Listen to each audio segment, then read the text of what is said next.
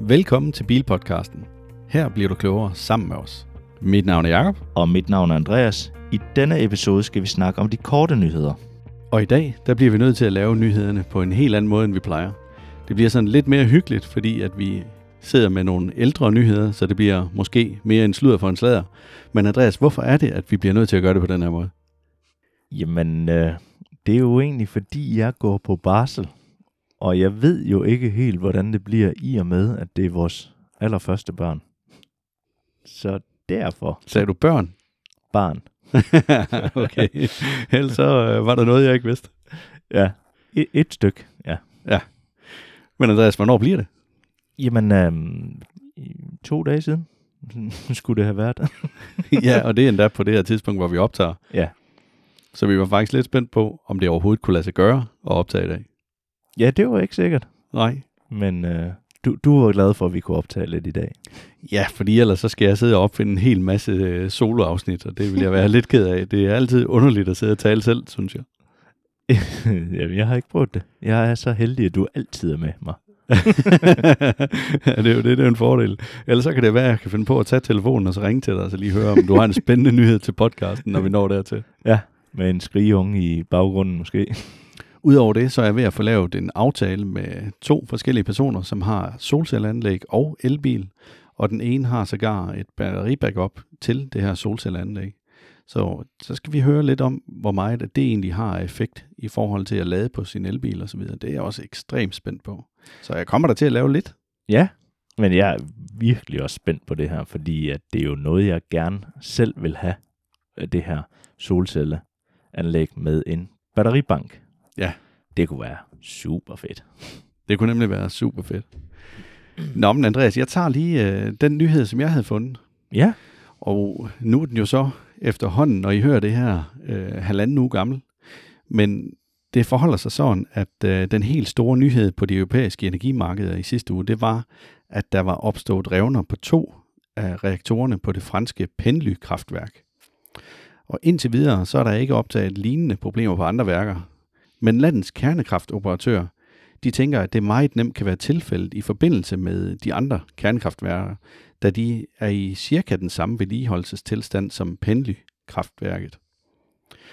Og allerede sidste år, der var der jo en pokkers masse problemer i forhold til vedligehold af de her franske kernekraftværker.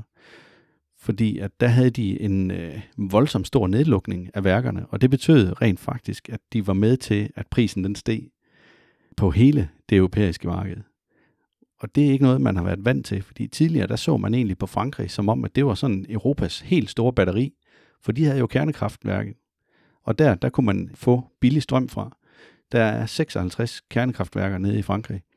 Men hvis de alle sammen skal til at lukkes ned nu her, nu havde de jo ellers lige renoveret dem, og havde sagt, at fra 2023, der vil vi simpelthen komme til at producere så meget el, så vi slår alle rekorderne. Men nu viser det sig lige modsat, at nu har de faktisk ikke produceret så meget el i 33 år. altså, det, det er 33 år siden, at de har produceret så lidt el, som de gør i år i, på kernekraftværkerne. okay, det er jo et kæmpe problem for den. Det er et enormt stort problem. Men det er vist også der, at de har den billigste strøm overhovedet. Det er vist Frankrig. Jo, jo, det er jo klart, fordi at uh, kernekraft, det, det er bare billigt. Ja. Det er en billig måde at udvinde det på. Og når de så er bygget. Men det er da, det er da lidt skræmmende, at de er begyndt at revne. Ja, det er meget skræmmende, fordi man har jo hørt om alle de her øh, chokerende historier over fra Tjernobyl, dengang det gik fuldstændig galt over ja. I Rusland. Og øh, der har du set en udsendelse, som Ja. jeg desværre ikke har set. Hvad Ja. handlede den? Den handlede lige netop om det, ikke? Der er det Anders Lund Mattesen, Ah, Andreas, mener du ikke Anders Lund Madsen? lige nøjagtigt, som er rundt omkring blandt andet ved Fukushima i Japan, Mm. men han er også øh, ved øh, Tjernobyl, og det når han inden krigen, så der er optagelser fra Tjernobyl, selvom det er et program, der lige er kommet nu her. Men det hedder Atomkraft, ja tak, på DR1. Og han har jo altid selv været imod atomkraft, og det stammer jo tilbage fra det her tiden, hvor at der var snak om, at man skulle have atomkraftværk i Danmark. Man var bange for det her, og det var der jo en grund til, da man havde set det her Tjernobyl her. Så derfor blev det også bare nej tak. Altså det, det var ligesom punktum for det. Mm. Men det, der er lidt sjovt ved det her, det er, at øh, uden at røbe alt for meget for den her øh, dokumentarserie her, jeg mener, der er fire afsnit, det er meget seværdigt. Altså, det er rigtig godt. Der er det, at der er en mand, der sidder og fortæller om, hvor meget uran, der skal bruges. Han sidder med to tændstikæsker. Ja. Eller jeg kan ikke huske, om han sidder med to tændstikæsker. Men det er svaret til to tændstikæsker. Mm. For at producere den samme mængde strøm med kul, der skal du altså fylde 40.000 tons kul afsted. Så du skal fyre 40.000 tons kul af i forhold til to tændstikæsker uran. Lige nøjagtigt. Det er eddermame vildt. Det er ikke så mærkeligt, at uh, det er billigere at udvinde det andet i hvert fald. Jamen det er jo det. Det, der også er lidt tankevækkende i det her, jamen hvor, hvor meget sviner det ikke? Altså 40 tons kul. Hvor meget gør det ikke ved vores lunger og alt muligt andet? Mm. Jeg ved godt, når kernekraft det først går galt, så går det jo også rigtig galt. Ja. Det er svært at rette op på. Øh, Det viser han også noget om i den her dokumentarserie med især Fukushima. I den dokumentar er de så også inde på, hvordan at de eventuelt kan komme til at komme af med affaldet fra kernekraftværkerne. Det er de også, ja. Er det det her med at pumpe ned i undergrunden, eller hvad? Ja, de pumper faktisk ikke. De er Finland, der er førende med det her, hvor de har gravet ned i klipperne. Og nu kan jeg altså ikke huske, hvor langt det er, de har gravet ned. Men de har lavet nogle øh, specielle skilte også, udviklet det, sådan at hvis man finder det her om 25.000 år, så, så skal man lige øh, lade være med at gå derned. Altså, fordi det, det tager jo utrolig lang tid, inden det her det ligesom er neutraliseret sig selv. Gør det det? Det neutraliserer ja. sig selv over tid? Ja. Også selvom det er kapslet inde i et klipperum et eller andet sted langt inde i Finland? Ja, det skulle det jo gerne gøre. De siger jo 100.000 år. Og jeg, jeg ved ikke, hvordan man kan sige, at det er 100.000 år. Også nødt til at være ham, lastbilchaufføren, der lige kommer ind og læser næste læser af. ja. Og apropos lastbilchauffør, der Ja. har du en nyhed, den springer vi lige til senere. Ja. Men det her med, at Frankrig, det var Europas helt store batteri, det viser sig jo så ikke at være tilfældet, fordi når det går, som det gør lige nu, jamen så bliver Danmark og Norden jo altså lige pludselig meget attraktive i forhold til al vores øh, grønne vindkraft, og vi har solenergi i landet. Norge, de har øh, vandkraftværker, men vi kan jo slet, slet ikke følge med til at producere så meget, som der skal til. Men det her, den effekt, der er, at øh, Frankrig de ikke kan producere så meget, det betyder, at priserne nede i Tyskland er stegen med helt op til 30 procent her i løbet af relativt kort tid. Og det er altså ret vildt. Men sådan som jeg også har hørt det i forhold til, øh, når man kigger rundt omkring i det danske landskab, så har du jo blæsende dage, hvor der så er vindmøller, der står stille. Og det er fordi, at Tyskland ikke kan optage det, fordi de har et dårligt ledningsnetværk. Så det kan være, at vi skal til at, at gøre lidt i og få lagt nogle bedre ledninger ud ned til Tyskland, så de kan aftage noget mere strøm, når det blæser. Det vil da klæde den. Nå, det var en teaser før i forhold til det med lastbiler. Det er noget, de lige har snakket om nu her for et par uger siden i, i nyhederne. Ja, igen. Ja. For det, det er jo egentlig et lovforslag, der øh, kom op for et halvt års tid siden. Er faktisk otte måneder siden. Det var tilbage i juni måned 2022. Og det, det drejer sig om, at øh, lastbiler simpelthen skal have pålagt afgift for hver kørte kilometer herhjemme, hvis man kører i en brændstoflastbil. Der er vi altså op, hvor de foreslår, at man lægger en krone og 30 øre per kørt kilometer fra 1. januar 2025. Og umiddelbart, så kan det jo lyde øh, fint nok, fordi jamen, så må du gøre det op med, har du brug for at købe en ny lastbil, en eldreven lastbil eller en brint, så må du jo gøre det. Men det kan de bare ikke, for det findes ikke ordentligt. Nej, det er ikke kommet på markedet endnu. Nej, plus... Men det synes jeg var ret fedt, fordi journalisten sagde, jamen, så kan du bare købe en el-lastbil eller en brintlastbil. det findes bare ikke. Altså, Nej, så vognmanden han stod jo bare og rystede på hovedet. Der.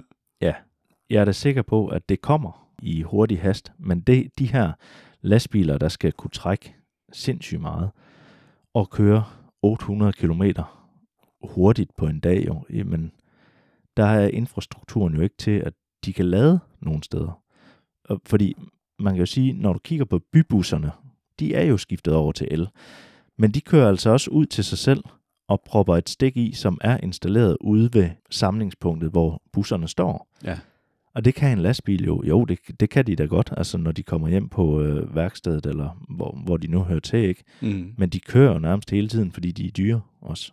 Ja, det er lidt svært. Det er jo sjældent, en lastbil den holder stille. Det, så er det da kun fordi, at chaufføren ligger og sover i selve lastbilen. ja. Ja, så skulle de lade der jo.